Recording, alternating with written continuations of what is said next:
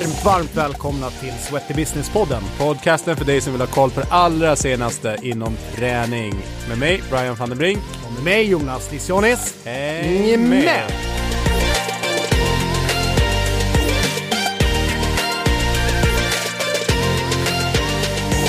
Hörni, välkomna tillbaks till Sweaty Business-podden. Välkomna tillbaks eh, till oss som är tillbaks på Clarion Sign. eh, Jag och Jonas. Ja, känns eh, jäkligt härligt att vara här igen. Grymt. Med oss idag så har vi en eh, gäst ifrån Norge influgen eh, till det här. Henning Holm, välkommen. Tusen takk for det. Eh, en kort intro till dig. Precis som de flesta andra gästerna som vi har så har man eh, ganska många olika ben som man står på. Men eh, för att sammanfatta så är du ju eh, chef egentligen för Evo-konceptet. Eh, Evo träningskedja som finns i Norge, Finland och några andra länder till. Vi kommer in på det.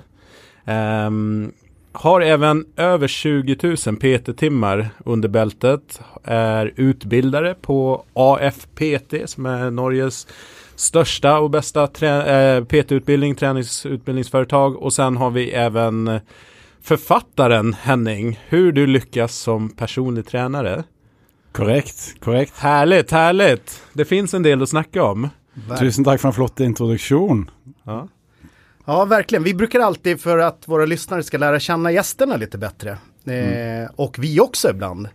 Eh, nu har ju du och jag känt varandra ett tag genom, genom branschen så att säga. Men vi sparkar igång lite grann. Eh, fullständigt namn. Henning Frode Holm. Få navn for å være nordmann ennå, tenker jeg.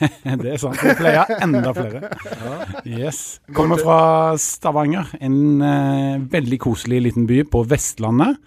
Eh, Ca. 20 mil sør for, eh, for Bergen. Så eh, mye vær. Mye vær og vind, mye Ja. regn. Og mye olje. Og mye olje. Det er oljehovedstaden i Norge. Så begynte på Sats i, eh, litt etter årtusenskiftet. Flytta til Oslo i, i 2005. Bodd der siden. Härligt. Du är 20 000 PT-timer, men hvordan har din eh, liksom, bakgrunn innom treningsbransjen sett ut? Hvor började du? Vet du hva, helt ærlig. Eh, jeg begynte på Sats. Og jeg trente på Sats. Hadde spilt fotball aktivt til jeg var 19 år. Og hadde veldig lyst til å begynne å jobbe på treningssenter. Så jeg spurte i resepsjonen hele 19 ganger om de trengte folk. Og til slutt så ansatte de meg da på Sats Stavanger. Og reisen derfra, den gikk veldig fort. Da ble jeg sykkelinstruktør. um, jeg ble treningsveileder. Etter hvert så ble jeg jo selger, medlemskapsselger. uh, og personlig trener. Så da gikk ferden over til Oslo deretter. um, og jobba totalt i Sats i ti år. Okej. Ja, og um, PT-delen har jo stått sentralt. Så i 2008 og 2009 så var jeg mestselgende personlig trener i, i hele Norge, da. Fan, ganske heftig sett å komme inn i bransjen. Vi har jo pratet om det innan litt her, jeg og Brian i podden også. At det utbildes jättemycket tränare. Men det räcker ju inte bara att kunskap, man måste ju kunna förmedla det också. Och en riktigt bra grej är ju faktiskt att leta på gymmet där man är och jobbar som platschef eller PT-ansvar. Hitta en person som bor på gymmet, som har ett driv. Typ en sån som frågar 19 gånger hjälpa den ta en utbildning eller rekommendera den att utbilda sig, anställa den sen, brukar många gånger sluta i, i succé, eller en procentuellt större chans i alla fall till succé. Absolutt, Jonas. Og um, jeg ser jo mange ganger òg at faktisk PT-kunder ofte blir dyktige personlige trenere. Mm. fordi at de har gått en skole hos PT-en. Eh, så de, eh, de vet hvordan det er å være kunde hos en personlig trener, og da ender man opp ofte som en dyktig personlig trener. Jeg tycker det ofte når man starter opp PT-utbildninger, man har jo jobbet på på många skolor, det är förvånansvärt, förvånansvärt få av kursdeltagarna som ens har tränat med en PT innan. Jag skulle säga att det är liksom inte ens 10% när man ber dem att räcka upp handen och snacka om eh, förutsättning eh, eller möjlighet helt enkelt. Du, eh, träningsfilosofi, har du någonting du eh, lever efter, står för, verkar inom? Absolutt, absolutt. Um, jeg spilte fotball frem til jeg var 19 år, ganske aktivt, relativt høyt nivå. Og så ble det sats, og da ble det styrketrening, tung styrketrening eh, seks dager i uka i ganske mange år. Og så etter hvert så fikk jeg barn. Så nå har jeg tre, tre små barn, og så begynte jeg å løpe en del. Så filosofien er keep it simple, og under, det så mener jeg at eh, jeg løper langt og løfter tungt. Så jeg trener tung styrketrening, og så løper jeg ganske langt. Så jeg har nok en fire-fem mil i uka med løping, minst. da. Det har jeg. Så de to tingene til sammen, det funker utrolig bra. Da, da har man grunnlaget for en god helse og allround god form, da, syns jeg. Mm. Ja, imponerende. Toppen. Har du noe som gjør deg förbannad? Personlig så må jeg si at er folk som ikke orker å være hyggelige og snille mot hverandre i hverdagen, det gjør meg litt forbanna. Fordi etter hvert som digitaliseringen skrider frem, så syns jeg at veldig mange mennesker ikke er like hyggelige og tar seg tid til å snakke med hverandre, selv om man ikke kjenner hverandre før det. Det blir jeg liksom småforbanna på. Eh, rent profesjonelt så blir jeg forbanna når personlige trenere ikke forstår at det handler om kunden, men om å sette seg selv i sentrum som PT. Fordi hvis du ikke har kunder, hvis ikke kunden liker det du gjør, da, da er du i en farlig posisjon også. Så det handler om kunden, det handler ikke om PT. Helt enig. Vad hämtar du själv? Du kanske var inne på det där lite genom transportlöpningen och så, men generellt så, vad hittar du kraft och inspiration för motivation? Nei, jeg må jo si at eh, løpingen er et friminutt, da. Og eh, når jeg løper, så hører jeg ofte på lydbok eh, eller på podkast, som, som denne podkasten her, som jeg Mm, syns er mm, fantastisk bra. Som gir Takk. mye inspirasjon. Um, nei, men akkurat det å høre på noe mens jeg løper, um, og spesielt på de øktene som ikke er blant de mest intensive, gjerne langturene, og ta på en god lydbok eller podkast, ja, da, da er livet bra. Mm. Ja men härligt. Du, eh, du får 10 millioner norske, til og med inn på konto Hva gjør du? Ja, først og fremst skal jeg ta de svenske. Det, det går helt fint. Nei, men eh, da, da, det hadde vært fantastisk, ikke sant. Jeg, jeg tror jeg hadde tatt med familien på en to måneders reise, gjerne jordet rundt og til varme steder. Og deretter eh, investerte mesteparten av pengene i fornuftige konsepter. Ehm, gjerne tatt litt tips fra dere, og som kjenner bransjen så godt. Investert i noe innenfor trening. Og så tror jeg jeg hadde dratt tilbake igjen på jobb etterpå. Fordi at eh, når man jobber med trening, så jobber man med hobbyen sin, så det, det er ikke snakk om å slutte å jobbe uansett hvor mye penger man tjener. Altså. Nei. Mm.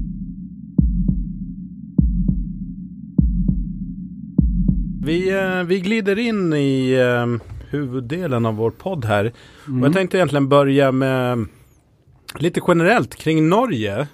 Eh, Ja. Om du kan dela med oss till, till oss, både med Jonas. Vi har ju okej koll, men jag tror inte att vi har så bra koll. Och lite i försnacket här och när jag frågat lite annat folk runt omkring vad jag ska prata med, med dig om så, så har det kommit lite intressanta inspel. Men kan du liksom på aggregert nivå si hva, hva hender innom Trenings-Norge just nå? Ja, det kan vi gjøre. Eh, Norge er jo først og fremst veldig likt eh, som Sverige.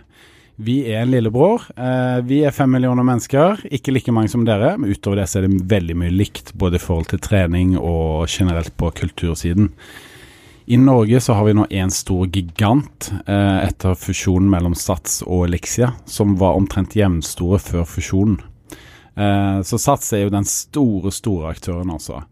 Men eh, bak de så har vi jo da sånn som EVO, der jeg jobber. Vi har 38 treningssentre, eh, ca. 34 000 medlemmer. Um, og så har vi Family, eh, som er da tidligere em, Stamina, som det het tidligere, som er en stor kjede.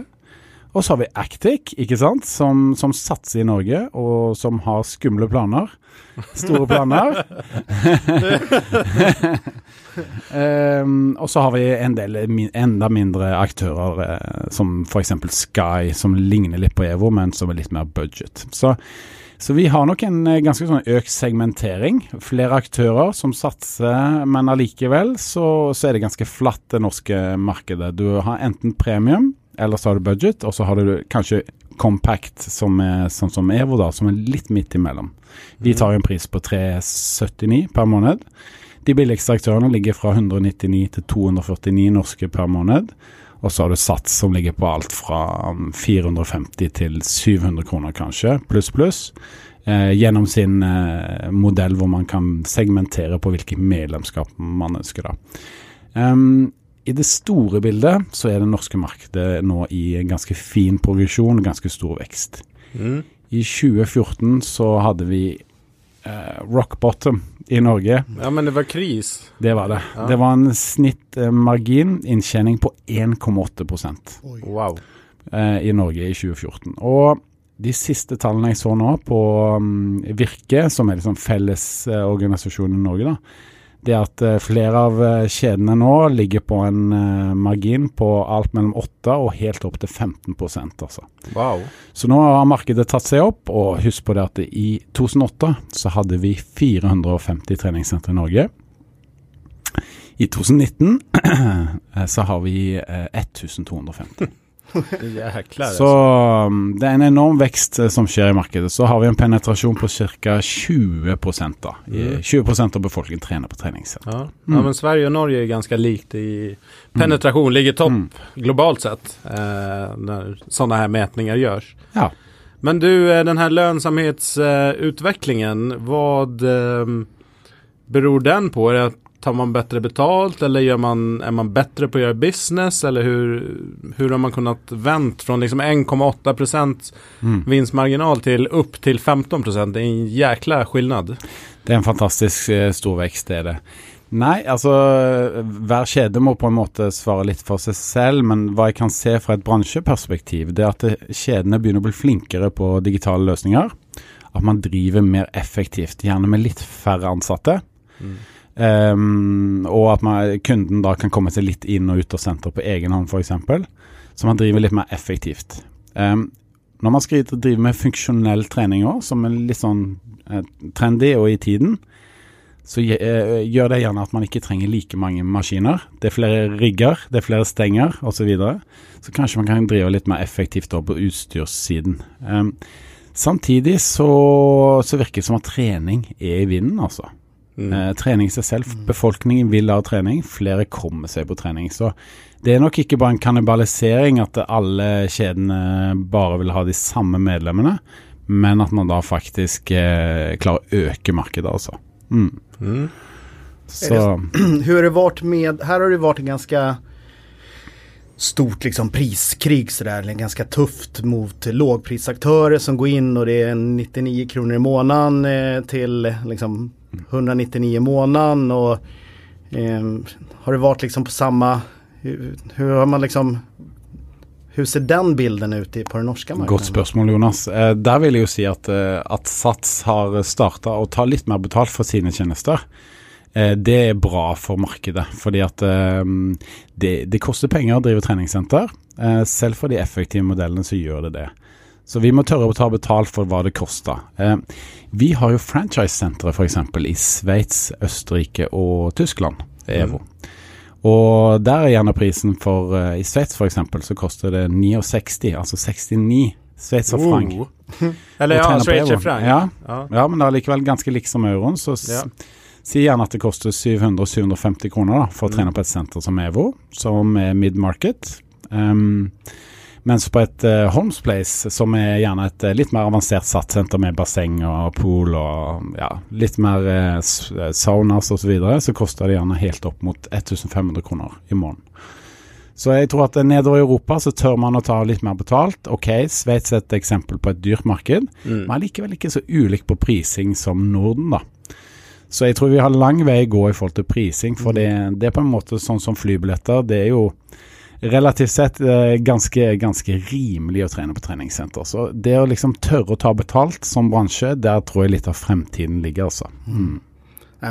Det- men vi har pratat om det innan också men det är ju Det kan liksom inte bli billigare. Någonstans måste man ju Kunderna ställer också krav på att man ska ha personal, det ska vara helt och rent, utrustning ska servas. Någonstans måste det också gå hand i hand med prisbilden. Så jag tror också att det är det är förhoppningsvis att det kommer även svänga här. Nej men jag tror det också, men jag tror inte, och så, så här, alla kunder vill inte ha det billigaste. Vissa vill, og och det är ju bara uppenbart om man tittar på butikssegmentet och liksom studios, att folk är beredda på att betala ganska mycket pengar om du ger dem rätt tjänst som de vill ha, rätt tjänst och upplevelse. Så att, eh, att alla vill ha det lägsta priset, det stämmer ju inte riktigt. Det är några som alltid kommer gå på det lägsta priset, men jag tror väldigt många är beredda att betala betydligt mer bara man paketerer paketerar någonting som de verkligen vill ha, som de känner, känner att det är värt att betala för. Mm, veldig godt poeng, Brian. og Jeg tror jo at eh, man må være villig til å konkurrere, ikke bare på pris, men også på kvalitet. Mm. Ikke sant? Tenk om noen tør å si at ja, men vi er best på kvalitet. Der skal vi konkurrere ut alle andre. For det med pris, ok, det er noe som en del eh, av kundene vil ha, men ikke alle. Der, der tror jeg du er inne på noe viktig, Brian. Vad, norska marknaden sådär generellt då, vad tror du, ser du några trender som är liksom börjar sätta sig, etablera sig eller på gång eller liksom om du framtidsvisionärt kikar lite grann på den norska marknaden, vad, vad, vad, vad ser du i spåkulan? Jeg må, må si at kunden, det virker som kundene de, eh, de forventer supereffektive løsninger. Kunden vil trene når de vil, eh, hvor de vil, de vil ha det beste utstyret, og jammen skal de gjerne ha en personlig trening, en trenertime eller en gruppetreningstime når de vil ha det. Så kunden blir vanskeligere og vanskeligere å tilfredsstille, og, og det stiller tøffe krav til oss, altså. Så jeg tror at uh, det, det, det er liksom motpol, da. Men om man tenker digitalisering, så er det enorme krav til å ha de beste appene, de beste løsningene, ehm, og en sømløs reise da, som medlem. Samtidig som at man ønsker gjerne å se et menneske i øynene og ha litt hjelp, men at det er det man er villig til å betale for. Med andre ord, man trenger ikke gjerne en resepsjonist, men man trenger en personlig trener eller en gruppetreningsinstruktør som, som ser en, da. Så at fagpersoner, em, det vil man alltid trenge, alltid ønske. Og jeg tror at folk er villige til å betale for det. Men man trenger ikke nødvendigvis en resepsjonist eller noen som, som sier hei eller ha det. Sånn sett. Det, det, det er det jeg tror. Og, og det mener jeg at modellen vår med EVO bekrefter ganske bra. Mm. Ja, men jag brukar dra jämförelser med flygbranschen rätt mycket också. Att vissa, förut var man tvungen att, det kan man göra fortfarande än idag. Vissa flygbolag har ju inte digitaliserat så pass mycket. Men att du slipper gå till en incheckningsdisk för att lämna in bagage. Utan du gör det själv, antingen i appen eller du gör det i automaterna på plats. För att det är liksom ingen jättevärdeskapande tjänst för någon utav det. Det är en kostnad för flygbolaget och det, det är tidskrävande för mig som kund. Så att effektivisera det, kunden gör det som, det som den kan göra själv och upplever det som en service mer än att det blir att, att det blir sämre tjänst. Men däremot flygvärdinna, du lærer jo ha en kapten og liksom Mm, så, så absolut, kan rette absolut. flygplanet. Ja, ja, og bare i dag fra Oslo til uh, Stockholm, så vil jeg si at alt, alt er automatisk. Jeg har appen min, jeg uh, har billetten der, alt går smooth. Kom inn på flyet, så kommer kapteinen på anlegg og sier velkommen. I dag skal turen ta så og så lang tid, uh, sette til rette, fine forhold osv. Det er bare én person jeg vil høre fra. Det er kapteinen. Det er han som skal ta oss trygt dit, ikke sant. Resten unødvendig. Mm. Hur ser du eh, just också just både nu och lite framtid? Jag vet att eh, även här i Sverige har ju ändå, även om priserna på trän medlemskap har liksom gått neråt så er ju ändå den individuella träningen eller personliga träningen, semi-individuella träningen gått åt motsatt håll vilket är ju jättepositivt för oss som jobbar mycket med individuell träning. Hur är känslan där? Prisbilden på att träna med tränare i Norge? Är den stabil?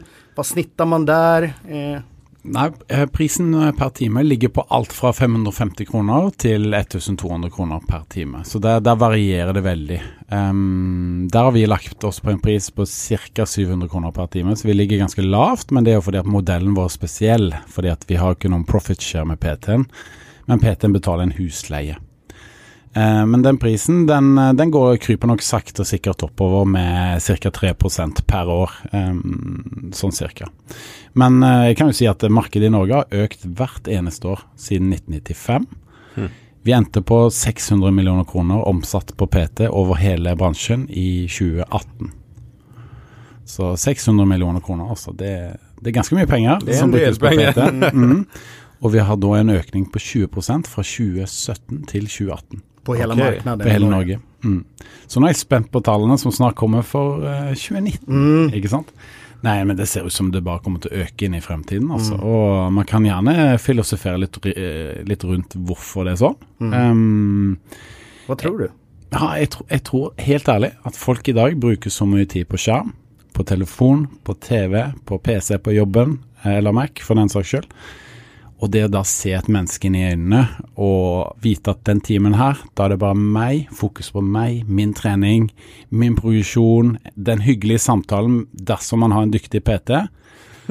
Jeg, tror at det handler mye om det. Så ikke bare om kvalitet på selve treningen, men faktisk en sosial relasjon som dessverre ser ut som det blir mindre og mindre av um, i samfunnet. Mm. Mm.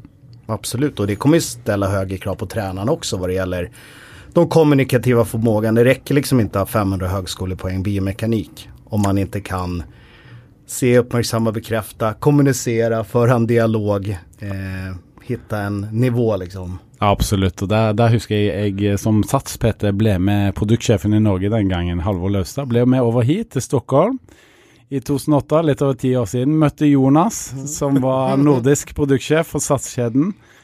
Og jeg ble så imponert over deg som person og menneske, og den energien du hadde da. Og det Jeg tror faktisk at resten av oss, vi må nesten Vi må opp på ditt nivå eh, når det gjelder å være menneske, for å lykkes i bransjen fremover. Fordi informasjon det finnes overalt. Så når kunden kommer til oss, forventer de at vi kan informasjon, men de forventer òg at vi er et fantastisk bra menneske som ser den personen som vi har foran oss. Så kommunikasjonsferdigheter, det, det er fremtiden, altså.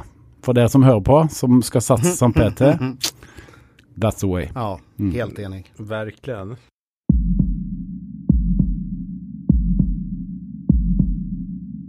Du, om vi går videre specifikt in på Evo som är din, eh, din arbetsgivare. Eh, jäkla spännande. Ja, men jag tycker ni gör, gör väldigt mycket rätt och det känns fräscht och liksom uppdaterat när man bara tittar på varumärket och liksom hur ni kommunicerar. Men, och du var inne på det med compact fitness. Kan du berätta eh, vad, vad du mener med det begreppet? Absolutt. Um, ja, sentrene våre de er ca. 500 kvadratmeter store, så, så storleken er ikke så, så stor, altså. Men det som vi tenkte i utgangspunktet, er at eh, på EVO så trener du alene med en venn eller med en PT. Så om du driver med individuell trening på et annet senter som har gruppetrening, så kan du like, og du driver ikke med gruppetrening selv, så kan du like gjerne komme til oss og trene styrke eller kondisjon. Så det er individuell trening på et eh, kompakt senter. Du kan komme og gå når du vil. Åpent hver dag hele året fra 5 om morgenen til 24. Men det skal òg være en fin opplevelse. Så det skal være det beste utstyret. Det skal være de beste personlige trenerne.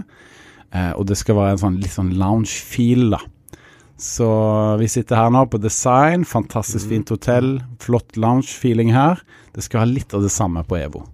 Men eh, også skal vi ikke være billig, men det skal være rimelig, da. Så um, mid-market med kvalitet. Det, det, det er compact-konseptet som, Mm. som vi har laget, da. Mm. Og location-messig, var, var är liksom optimalt? Var ligger sentrene plassert i städerna?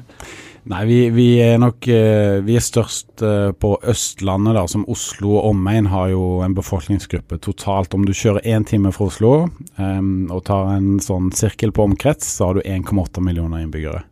Ja. Så der har vi 23 sentre. Men vi har totalt 38 sentre fordelt over hele landet. Eh, Tromsø, Bergen, Stavanger, eh, Oslo. Men vi har òg bitte små steder med gjerne 7000-8000 innbyggere. Så det er veldig spredt, men, men mest City-lokasjoner. Mm, Mm. Det är det. Ja, Ni har ju långt upp mot Lofoten va? Ja, Så jag är så jäkla imponerad av siffrorna ni viser mig där senast jag var i Norge med både PT-försäljningen i sån liten by, en magisk by Ja. för sig. ja. Eh, jäkligt häftigt alltså, att få det att funka. Ja, men altså Jonas, du har jo stått og forelest på utdanning i mange år. og Det dukker alltid opp noen på PT-utdanning eller utbildning som sier at eh, ja, men på mitt lille sted, der går det ikke an å selge PT-timer. Men altså, det vet vi, det er ikke sant. Eh, hvis kvaliteten er bra, så, og det finnes mennesker der, så finnes det stort sett et behov. Fordi folk flest er dessverre, eller heldigvis, ikke i god form. Um, Og det, det er stort behov for oss som PT-er. Så ja, men PT-en i Kirkenes, som er like ved helt oppe i Nord-Norge, um, rett ved russiske grenser, vi selger PT der også. Ja, då säljer man överallt. Nej, men jag tycker det där är häftigt. Sen är ni ju, eh, jag vet ju också av erfarenhet, ni är fantastiskt duktiga på eh, pre-sale också. Ja. innan ni öppnar anläggningarna. Vad fan, du kanske inte kan avslöja allt här, men vad... Uh, Det är ju- Secret sauce. Ja, precis. Nej men alltså, ni är ju fantastiska där. Vad fan gör ni? Nei, men det kan jeg si fra et overordna perspektiv, det er at vi, vi har mange unge mennesker som jobber hos oss. Um, og vi tre som sitter her, vi er jo relativt unge vi òg, men uh, da tenker jeg ikke, ikke menn som er eh, litt under 40. men jeg tenker heller de som er mot slutten av 20-årene, da. Som, som faktisk er rent dyktige altså, når det kommer til å jobbe digitalt, og som, som kan sosiale medier godt. Um, så, så jeg tror å satse ungt, det har vært smart for oss. Uh, og vi satser mye digitalt. Så vi jobber, vi jobber mye med Facebook, vi jobber med Instagram. ehm, og vi jobber gjennom eh, personlige trenerne våre, word of mouth. Og så satser vi på gode lokasjoner også. Så en god lokasjon er gjerne, som dere vet, et sted der hvor folk enten bor eller jobber. Ikke sant? Så Nei, eh, vi, vi satser veldig mye digitalt, altså. Mm. Vi, vi har sånn eh, I presale på siste senteret så hadde vi eh, 1300 som hadde signa opp før vi starta. Herregud. Så vi snakket litt om pris i stad. Vi gir gode tilbud i starten, og deretter så slutter vi med tilbudet. Men vi, vi må få de til å teste oss for at de skal forstå hvor, hvor bra det er å være der, da. Det, det må jeg være ærlig si. Jobber ni med bindningstid då eller hur? Eller har ni Mm. ulike løsninger? Nei, det er ingen bindingstid. Nei? En pris uansett hvem Mm. du er, ingen bindingstid. Så keep it simple. Mm. Mm. Sen vet jag at en annan del som jag tycker är kopplat till det digitala. Ni har ju dels nu startat en podd. Mm. Eh, men sen har ni sen ganska länge också drivit en blogg kan man väl säga. Eller en, en eh, interaktiv hemsida.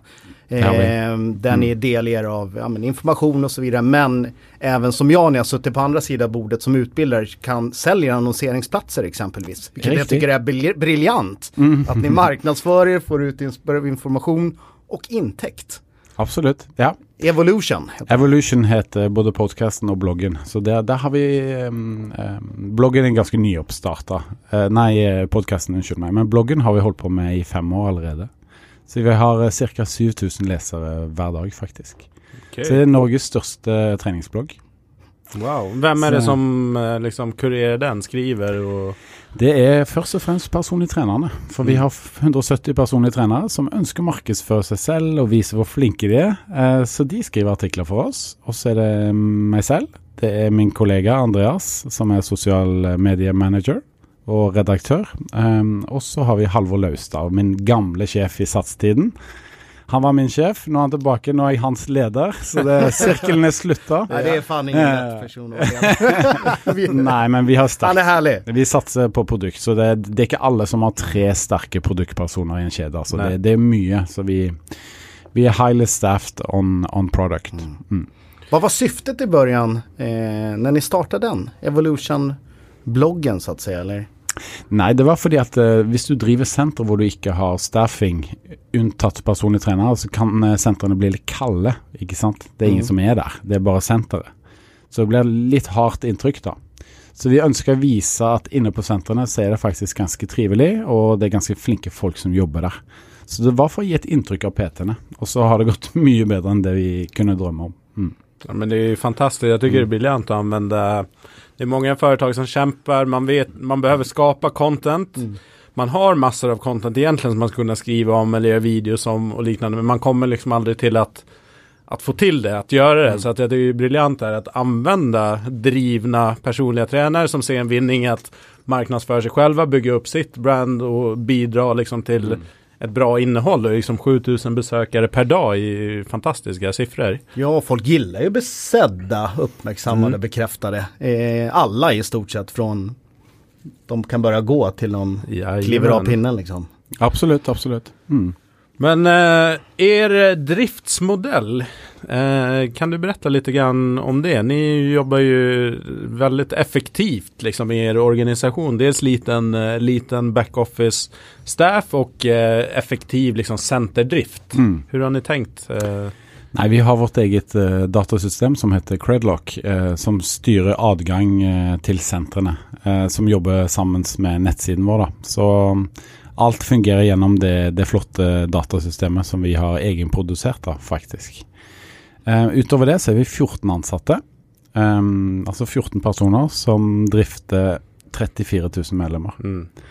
Så det, Det er bra. det, det er rent bra. effektivt. Blir några noen kroner per, per medlem. Ja, jeg husker jeg dro på Ursa nå i høst i, i Dublin uh, og snakket med noen fra bransjen i Europa. De, de trodde jeg skoia. ikke sant? Ja. Nei, så det, det er riktig bra. Men vi, vi hadde ikke klart det uten 170 personlige trenere eh, som er selvstendig næringsdrivende, som er konsulenter, um, som, som er ute på sentrene. Så i snitt så har vi omtrent fem personlige trenere per EVO-klubb. Så de jobber på sentrene, har PT-timer, og så hjelper de oss med PT-starttimer, eh, som de gjennomfører da. Eh, De betaler en husleie for å være der, og så har vi en sånn kultur som vi prøver å skape, som handler litt om hva skal jeg si kokken og, kokken og kjøkkenknivene. Altså en full, en god kokk har full koll på kjøkkenet sitt. Mm.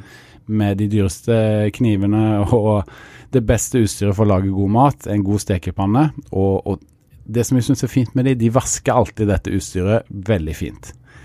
En PT skal ha litt av samme tilnærmingen, tenker jeg. At eh, treningssenteret, det er mitt kjøkken. Her skal jeg ta vare på senteret. Det skal være ryddig, det skal være rent.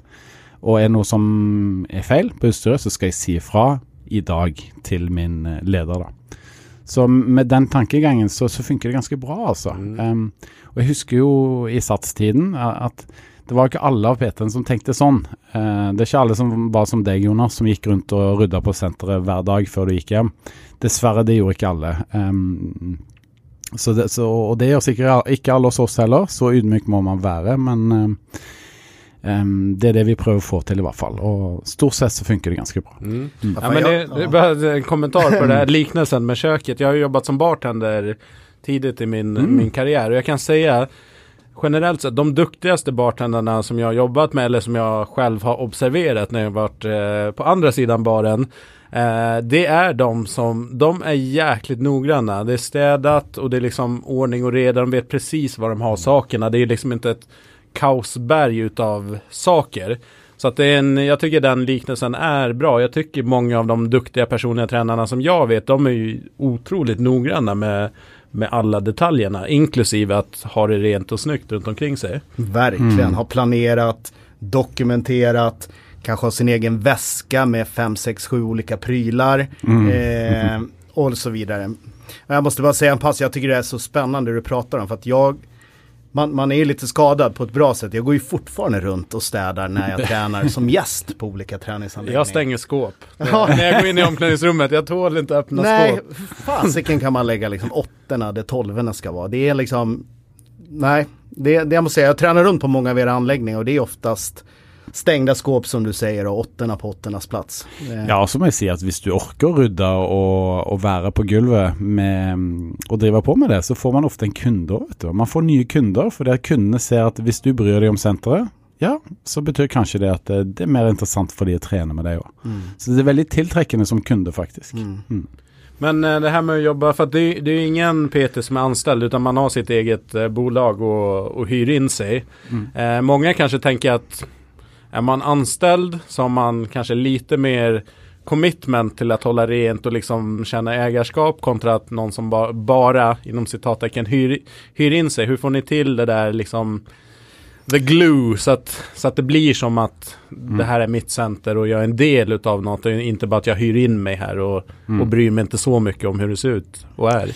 Ja, jeg tror jo at hvis eh, personlig treneren har en bra deal, og så har man faktisk tjener veldig gode penger, så blir man veldig takknemlig for det. Det burde man i hvert fall være, eh, for det, det er ikke noe som er selvklart. Så PT-ene tjener jo veldig bra. De betaler oss en hyre, en husleie, som Mm. vi sier, på 3000 per måned. Ok. Og alt utover det, på de prisene vi har, da, så de må følge prisene våre, men det beholder de selv. Så PT-ene fakturerer kunden direkte selv etter våre priser. Og så Det gjorde en veldig god inntjening. Så det har mye å si. Eh, samtidig så legger vi mye i at eh, trenerne faktisk skal komme på workshops. Så vi har workshops to ganger per år for alle i hele Norge i kjeden vår. Um, vi har eh, awards med prisutdeling til PT-ene. Så vi jobber mye med kultur, og så, så er òg dealen, altså den økonomiske dealen for PT-ene, veldig god. Så egentlig håndterer ni dem i princip som ansatte, altså, precis som man hadde gjort med, ja, men jag menar kulturarbete internt. Eh, videreutbildning, videreutvikling osv. så vidare. Det gjør vi, men samtidig så kan vi ikke være like strenge på at eh, PT-ene ikke får lov å jobbe andre steder eller dra på treningsreiser. Altså PT-ene står mye friere, da. Mm. Mm. Så det, det må vi tillate når de er selvstendige. Men det funker veldig bra, altså. Eh, frihet som arbeidsform i 2019-2020 jeg, tror- jeg tror at i Norden så er det that's the way to go. Det, det er sånn som PT-ene setter stor pris på. Ja. Så jeg, jeg tror ikke på at vi må styre de eh, noe, noen mye, altså. De må ha det fritt, men det er ikke alle som takler det, så du må derimot rekruttere riktig, da. Mm. Yes.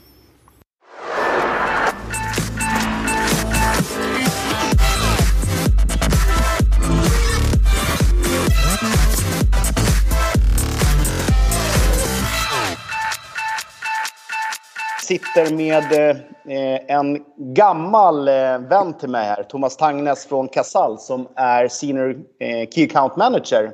Velkommen til Sweaty Business. Jo, takk skal du ha. Vi har en, en, en ganske vanlig kund hos oss på Sweaty Business og sikkert sånn som du støter på også, er jo en trener som kanskje har et annet jobb ved sidan om men vill som jobber med trener, men har ingen lokal eh, selv eller hyr inn in noe någonstans. Eh, vad skulle du helt för tips där kring, kring utrustning? Har du något tips och råd för personer som åker ut till kund? Eh, individ, eh, business to business. Eh, har du något tips och råd där?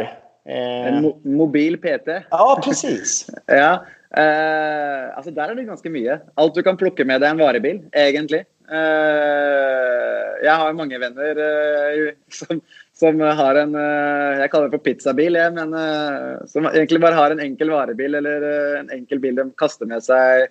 noen få kettlebells, noen strikker, noen elastic bands, resistant bands, slynger. Og ta med seg om det er ute eller om det er hjemme hos kund. Det, det liksom varierer veldig.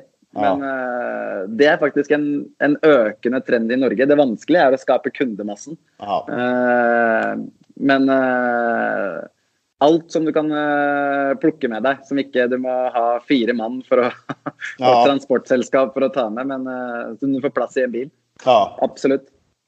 Men om du, om vi sier så her, du har 15 000 spenn å spendere, og du skal Ja. ha et startkit å skikke inn i bilen. Har du noen förslag där till mig som ny tränare där ute? Om du bara skulle ge lite små tips på prylar som är användbara där ute. Da hadde jeg tatt eh, kjørt Man kan kjøre to stykker samtidig minimum. Så jeg har kjøpt eh, to slynger. eh, fire elastic bands. eh,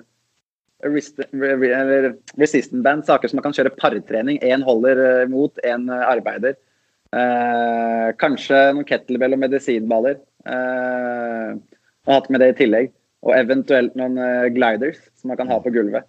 Eh, enkle saker som man eh, både kan trene hver for seg, men også en uh, Hugo-Ergo-tankegangen eh, i produktet. Perfekt. Også med en sirkelstruktur, også at jobbe eksempelvis ute på et företag eller för precis det där upplever jag också när man jobbar med eh, lag i idrottsföreningar till exempel. Om man kommer ut och innan man startar ett samarbete så sitter man ofta med styrelsen och så säger man till dem så här, men för att vi ska kunna göra det här tillsammans så behöver jag köpa in lite utrustning. Och då blir de alltid knäpptysta och tror att man ska köpa in en benpress för 200 000 och så berättar man att man vill ha precis som du säger med gummiband, lite häckar, lite kettlebells och så bara, då ser man nästan att de andas ut och får färgen tillbaks i ansiktet. Ja. Man kommer så jäkla långt med 5, 10, 15 000 i en start. Ja. eh, och produkter som också är väldigt slitstarka att jobba med. Så att jag, jag tycker det är ett riktigt bra tips faktiskt.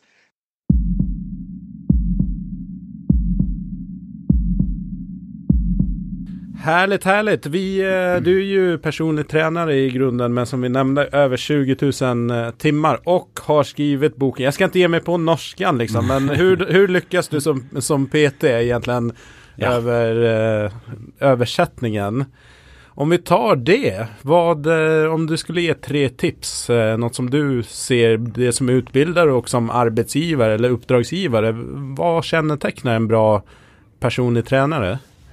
Nei, først og fremst så skrev jeg en bok eh, på temaet fordi at jeg så at det var veldig mye anatomi, fysiologi, mye treningslære. Det finnes det masse av, men det finnes ikke så mye material på business-siden.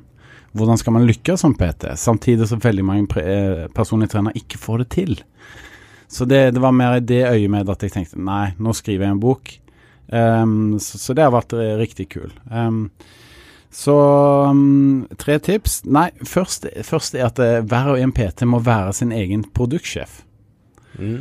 Uh, du har vært produktsjef i Sats, mm. ikke sant? Og du kjente jo produktet inn og ut. Jeg har vært produktsjef nå um, i EVO i veldig mange år. Um, jeg ser at veldig mange PT de kjenner ikke sitt eget produkt. Nei. Og hva er det egentlig man selger? Jo, det er jo seg selv. Og det, det, kan bli litt nært. Litt sånn, det kan kjennes litt sånn uh, konstig, ikke sant? Mm. Men Magne og Peter har ikke nok selvinnsikt, altså. Hva er det egentlig jeg selger? Og da snakker jeg om ikke bare mine faglige styrker og svakheter, men kroppsspråket mitt, servicenivået mitt, eh, og hvordan jeg behandler kunden også. Og der coacher jeg og hjelper og gjør litt mentoring for en del personlige trenere. og bare det liksom å smile å ha et vennlig, vennlig, ansikt, et bra kroppsspråk, det er ting som PT-ene trenger hjelp til. Men ofte ting som de ikke skjønner at de trenger hjelp til. Så det, det kan være en kommunikasjonsutfordring når jeg gir feedback. Så det, det å kjenne seg selv tror jeg er veldig viktig.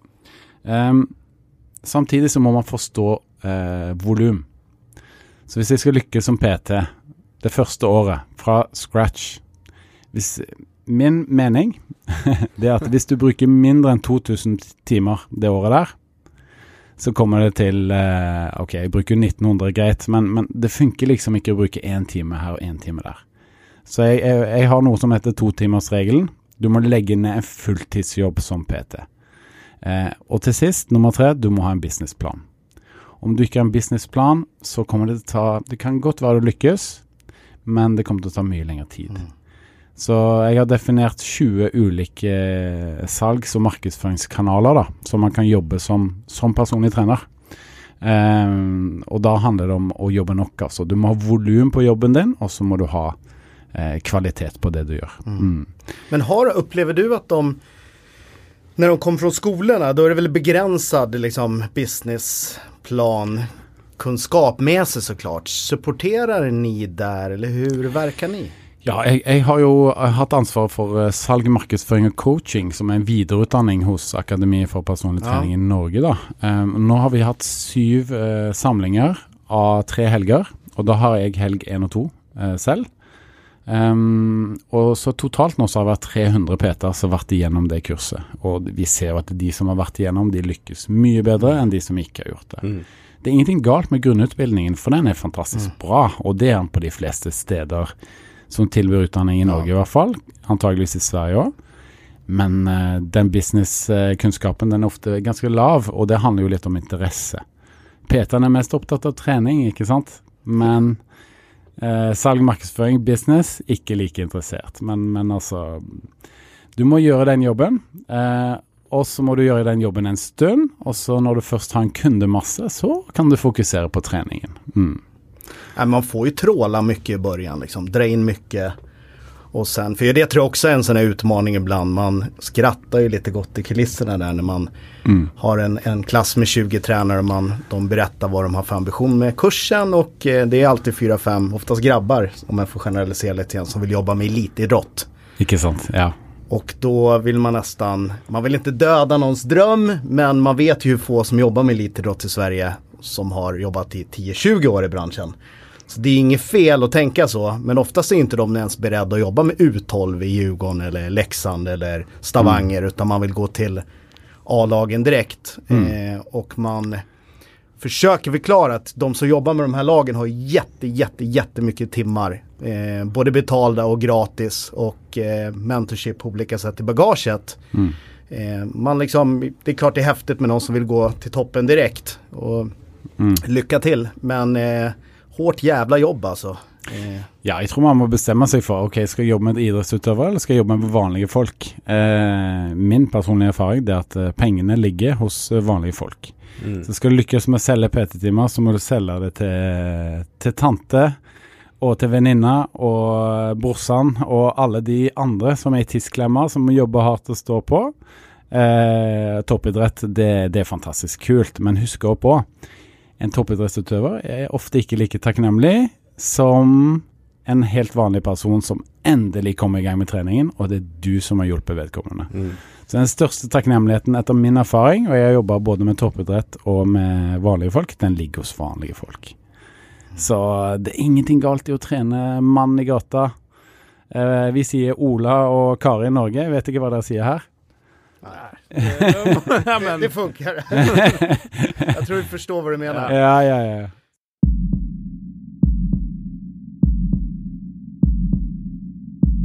Men du, det här angående um, att hitta sin produkt eller skapa sin, sin produkt. Eh, vad är din rekommendation? Ska man utgå ifrån vad man själv tycker är intressant? Eh, om man brinner för mammaträning eller man brinner för att jobba mer mot idrott eller någonting. Eller ska man gå ifrån det som kanske är business-wise bäst? Att okej, okay, här det en stor, stor bulk utav kunder. Vad tror du är en framgångsrik eh, strategi när man ska skapa sin egen produkt?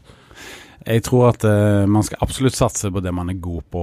Det å satse på sin styrke, det, det fører ofte til at du, du, blir en ordentlig ekspert på det du gjør. At folk faktisk kommer til deg for å få hjelp for deg.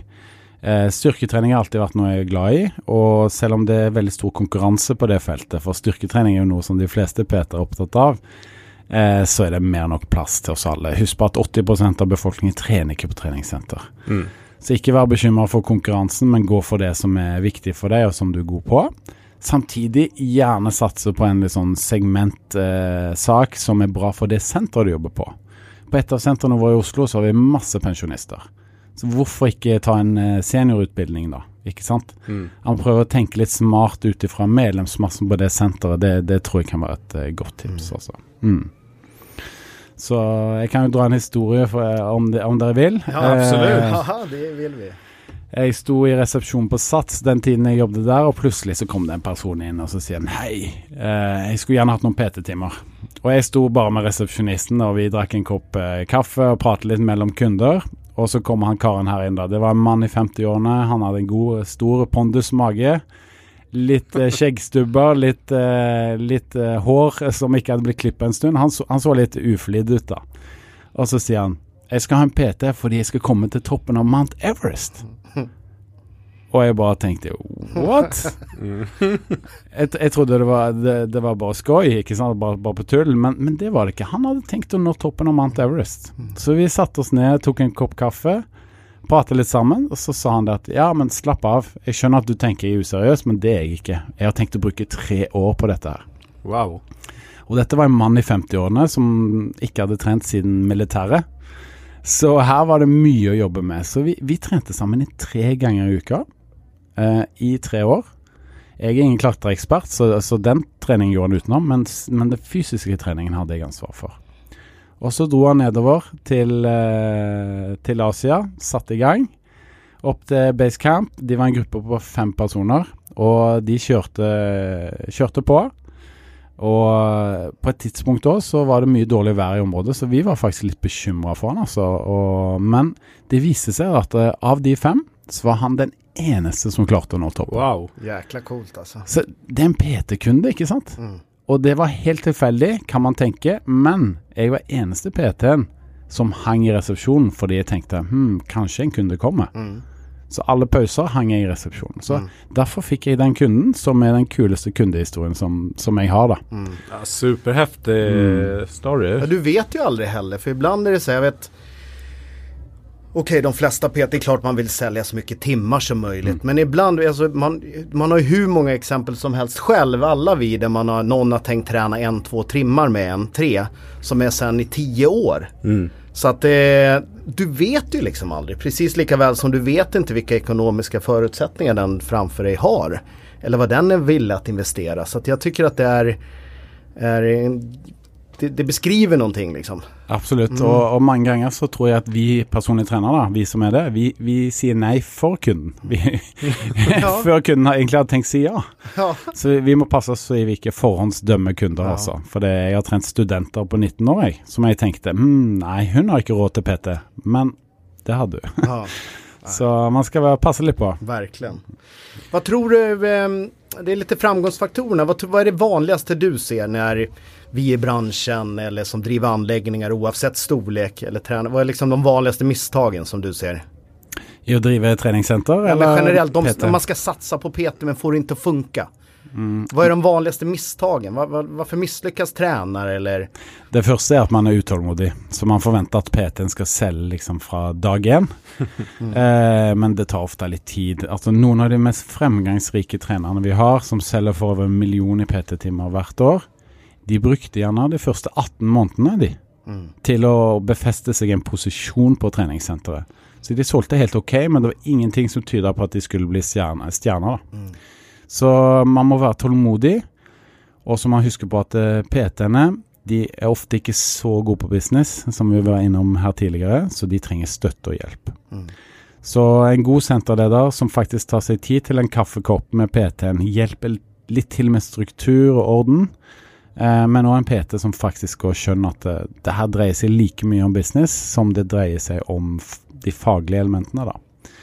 Så um, Og PT-yrket er ganske ensomt. Vet ikke om du tenkte det samme, Jo. Jonas? Det er det på sett og vis fast du er et gjeng. Beroende Ja. På hvordan du jobber, men Ja, for resten er der for å kose seg eller trene, ikke sant? Mens du er på jobb.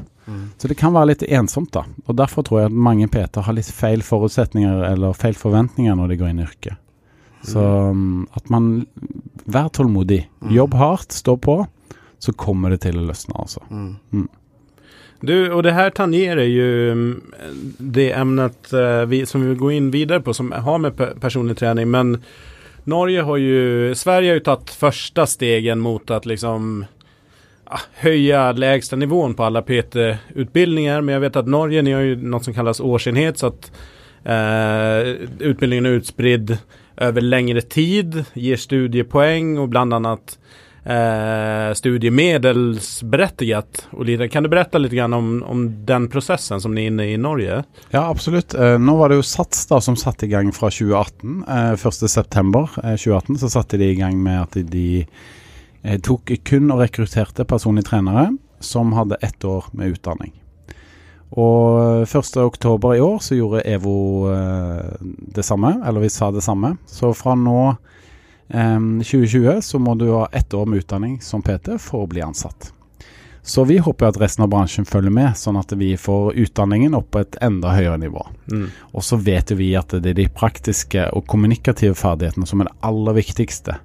Samtidig så er det egentlig bare positivt med mer utdanning, ikke sant. Man, man blir aldri ferdig skolert og utdanna, så Nei, det, det er viktige, viktige ting som skjer, og jeg har òg hørt rykter om at eh, det er en del av utdanningen nå som, som vurderer om de skal starte med bachelorløp. Um, okay. En treårig utdanning som PT. Så jeg tror at i løpet av kanskje 2022-2023, vi får se, men kanskje vi får de første bachelorutdanningene for PT også.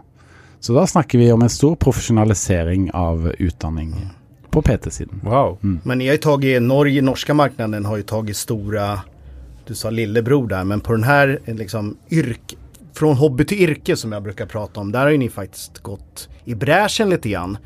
Eh, och i Norden ligger vi ju kanske längst fram i världen kring det här. Så att det här är ni verkligen Virke exempelvis som ert organ, intresseorgan kring det här. Då. Och, eh, men jag vet nu till och med att man som anställd PT idag, att man till och med börjar lagföra att man med grundlöner och sådana saker, att man kikar på det. Eh, Nu jobbar ni med konsultsidan men, men att man även börjar kika på de här delarna nu, att man som tränare har en eh, lagstadgad eh, minimilön. Ja. Ja, det, det er godt poeng, eh, Jonas. Vi er nok helt på høyresiden i forhold til å være kommersielle rundt, rundt det. Hos EVO så er det provisjon, og man er selvstendig næringsdrivende. Og, det, og det passer veldig bra for en del PT, som har kontroll på økonomien, og som har en bra businessplan. Eh, hvis du ikke er den type PT, men som søker litt mer trygghet, så vil jeg jo si at Sats og Actic de tester ut ordninger i Norge nå med garantilønn. Så man faktisk har, har en større trygghet. Um, men kanskje man ikke har en like stor oppside, så man kjenner ikke like bra dersom man virkelig lykkes.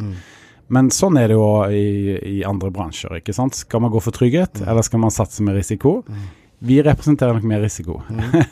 Eh, mens eh, trygghet finnes hos de, hos de Mm. mer etablerte mm, premium-kjedene som Actic og, og Sats. Mm. Mm. Vad tror du om framtidens eh, PTs? Hva kommer, man, eh, hva kommer man behøve ha for skills og hvordan kommer man arbeide?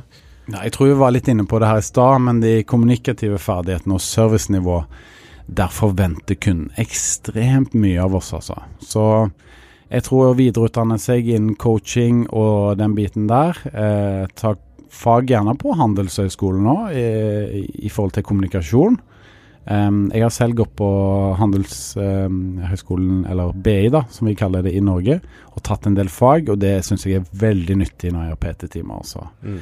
For det, det er de som lykkes best med kommunikasjon, kommer til å lykkes best i PT-yrket. Jeg har hatt mange inne som har eh, mastergrad og doktorgrad som ikke har lyktes som PT, basert på manglende kommunikative, eller soft skills, da. Mm. Så mange ganger så er jo Altså, utbildning er fantastisk, så, så jeg sier ikke at det er negativt. Men hvis du ikke har soft skills, da blir det svårt. Verkligen. Hva i termer av ja, teknisk utveckling, vi ser ju nu eh, många, eller många, jag tror det kommer komma betydligt fler, men liksom tekniska eh, plattformar egentligen som gör det möjligt att leverera personlig träning eh, på remote och liksom sköta så att du potentiellt sett som, som PT kan ha betydligt fler PT-kunder. Vad tror du inom teknologivärlden? Vilken typ av tjenester tjänster tror du kommer, kommer vi se eh, komma fram? Kjempeinteressant eh, spørsmål, eh, eh, Brian. Jeg, eh, jeg tror vi vil se mer og mer av det, sånn som du sier. Men eh, samtidig, altså kan en online coach noen gang erstatte et menneske som står foran deg? Ikke sant? Det er digitaliseringens eh, aber.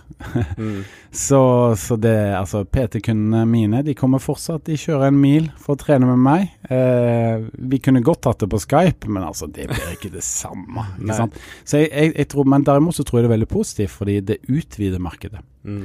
Så jeg har mange eksempler på PT som har flytta kanskje fra Oslo hjem til Kristiansand eller Stavanger, som har fortsetter å følge opp sine kunder digitalt. Ja. Så, men det er fortsatt the next best thing, og, og det tror jeg vi skal være litt klar over, altså. Så man utvider markedet, men det, altså, det kommer aldri til å ta over for PT-ene. Det, det er jeg ikke redd for i det hele tatt. Og vi ser jo det at eh, en del eksperter sier at et av de yrkene som kommer til å overleve digitaliseringen aller best, er personlig trening. Mm. Og det tror jeg jo. Ja, men jeg håller med. Jeg ser det som et kompliment, komplement og en affärsmöjlighet også, Precis som du sier. istället for å tappe en kund for at man rent geografisk er langt ifrån og kunden kanskje får en annen yrkesroll der man reser mye, men man kan fortfarande bibehålla kunden, kanskje ta litt färre, mindre betalt for, for för tjänsten men du, du tappar inte kunden helt og hållet samtidigt. Nej men och ett, alltså ett Ja. komplement, ett support till. Det kanske är att du tränar dem live men eh, coachar dem rent eh, nutritionsmässigt, digitalt. Att det kan vara den kopplingen också. Mm.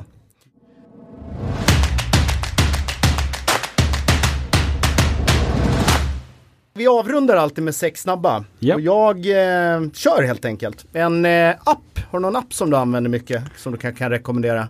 Ja, eh, kanskje ingenting nytt som kommer der, men jeg bruker jo Strava. Så eh, jeg bruker Strava nesten hver dag. Fordi jeg trener mye kondisjon og løper. Så Grym, grym app för er som håller på med löpning, cykling, ja, Yes. konditionsidrotter. Det är därför jag inte känner till den speciellt mycket. Jeg Jag såg det. ja, du såg att jag zoomade ut. Det är liksom ingen paddel där eller? Ja, du kan bli med og løpe i helgen, Jonas. Jeg er ledig. min fru säger ibland att löp, det är ju kul. Alltså då får du slänga med en fotboll eller något. ja, ikke sant. Du, har du någon eh, podcast som du lyssnar på som du kan rekommendera? Eller någon bok som du, som du har läst? Absolutt. Jeg vil jo anbefale den podkasten her, Sweaty Business. Ja, Fantastisk. Takk, takk. Det, og det mener jeg. Um, I tillegg så har vi lagd vår egen i, i Norge nå. Meg og min kollega og medforfatter uh, som heter Evolution. Den, hvis de ikke har blitt lei av norsken min, så kan de høre på den. Uh, en lydbok som jeg vil anbefale, som kanskje ikke er veldig underholdende, som er, men som er veldig lærerik. Det er en lydbok som heter Habits. Og I forhold til trening og hvordan man skal lykkes med å få medlemmer til å bli osv. Og, og det forstår faktisk hvor mye vaner, eh, habits, da, påvirker oss mennesker. Så Bra. det vil jeg tips. anbefale. Mm. Grymt bra tips. Du, eh, har du noe projekt som du er ekstra stolt over, Som har vært lyckat? Eh, ja um, Nei, men altså jeg, jeg er veldig glad i å, å dele kompetanse. Så det å lage et salgskurs for eh, bransjen, det, det har vært noe av det kjekkeste som jeg har gjort, altså. Uh, og at over 300 studenter har valgt å betale eh, 18 000 kroner for å delta på tre helger, det, det syns jeg er utrolig kult. Og i hvert fall at de gjør det bra i etterkant. Så det må jeg virkelig si. Mm. Jeg tycker ändå det på något sätt norska, norska tränare börjar fatta grejerna då. För att jag, jag tror om vi skulle sätta upp en, en utbildning här och eh, det finns två dörrar att välja. Den ena är kom djupare i din skott och den andra är bli framgångsrik som PT så väljer nog fasiken 7-8 av 10 att komma djupare i skotten. Fast de inte är fullbokade som tränare. Så att jag, mm, det är bra gjort. Eh, Takk for det. Takk for det. Verkligen. Du, eh, har du något projekt som eh, kanske inte gick så bra som du har lärt dig någonting utav då? Ja, vet du hva, jeg er jo en eh, Som Jonas, så er jeg en optimist. så jeg har tatt litt videreutdanning i tillegg til eh, de tre jobbene som jeg har. Så i høst så har jeg, jeg har ikke klart å fullføre kurset mitt, altså, som jeg tar i det. Og det, det er jeg ikke noe glad for. Eh, så skolingen min efter, efter jobbtid, den har ikke funka i høst. Så det, det, det må jeg ta om igjen i januar. Har du noen trend som du tror vi kommer få se av mer av framover? Eller noen som vi kommer få se av helt enkelt? Ja, jeg, jeg tror jo det at eh, vi får se en miks av eh, teknologi som bare blir bedre og bedre. Alt blir mer sømløst, enklere. Eh, samtidig som at eh, flere og flere faktisk eh, ønsker å søke kompetanse. Eh, at man har en miks av eh, digitalisering, teknologi og menneskelig oppfølging, da. De to tingene går veldig fint hånd i hånd, altså. Og vi ser jo veldig ofte at uh, man enten satser på det ene, old school, mennesker, eller digitalisering. Så den som klarer å slå de to tingene sammen, der finnes det en mulighet. Mm. Absolut. Det var egentligen inte den sista, för du hoppade över en fråga. Men har Oi. du någon person som du har haft uh, som förebild? Uh. Ja, jeg må jo både nevne Jonas, jeg må nevne Takk. min kollega Halvor. Um, også, men aller mest så må jeg si en person som heter Dag Lie, som var konserndirektør i Sats i gamletiden. Han har vært min mentor, så jeg har møtt han to ganger per år. Siden han slutta i Sats, i 2011 var det vel. Så han har, han har hjulpet meg masse i å ta steg som leder. Og han, eh, hver gang jeg føler meg smart, så kommer jeg til han, og så eh, tenker jeg nei, nej. her er, det mer, her er det mer jeg jobber med, så han er utrolig smart. Faen, det er også et bra tips altså. Ja. Det har vi også vært inne på innan. ja. Fasiken Så om bra noen uh, eh, søker en mentor, så vil jeg anbefale Ja. daglig. Han, han sitter og jobber i Edinburgh uh, nå, så jeg, jeg pleier å ta meg en tur over i løpet av året og ja, ha en øl og Han har faktisk åpna, åpnet egen bar!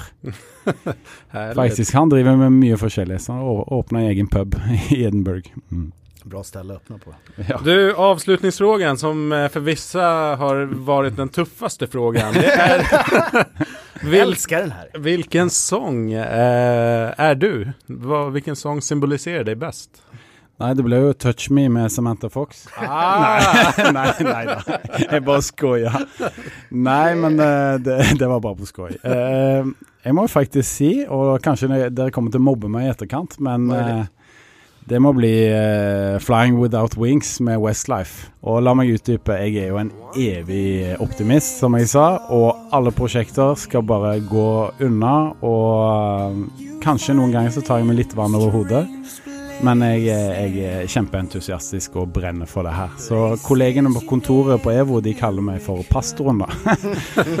så jeg flyr av gårde, men uten vinger. Så også er jeg veldig sånn gammel boyband-fan, da. Det er flaut å si det, men man må ha rygg til å stå for det. Det er litt guilty pleasure över den. Det det. Backstreet Ja. Boys og de her. Jeg tror mange lysner på dem der i smyg litt. Absolutt. Yes, Flying Without Wings, Westlife. Stort takk, Henning for at du var med her. Grymt, Herlig. Tusen takk for at jeg fikk komme. Some find you cheering every morning. Some in their solitary night. You find it in the words of others. Can make you laugh or cry. You'll find it in the deepest friendship. The kind you cherish.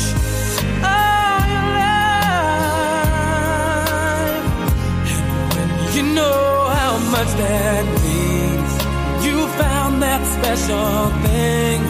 You're flying without wings.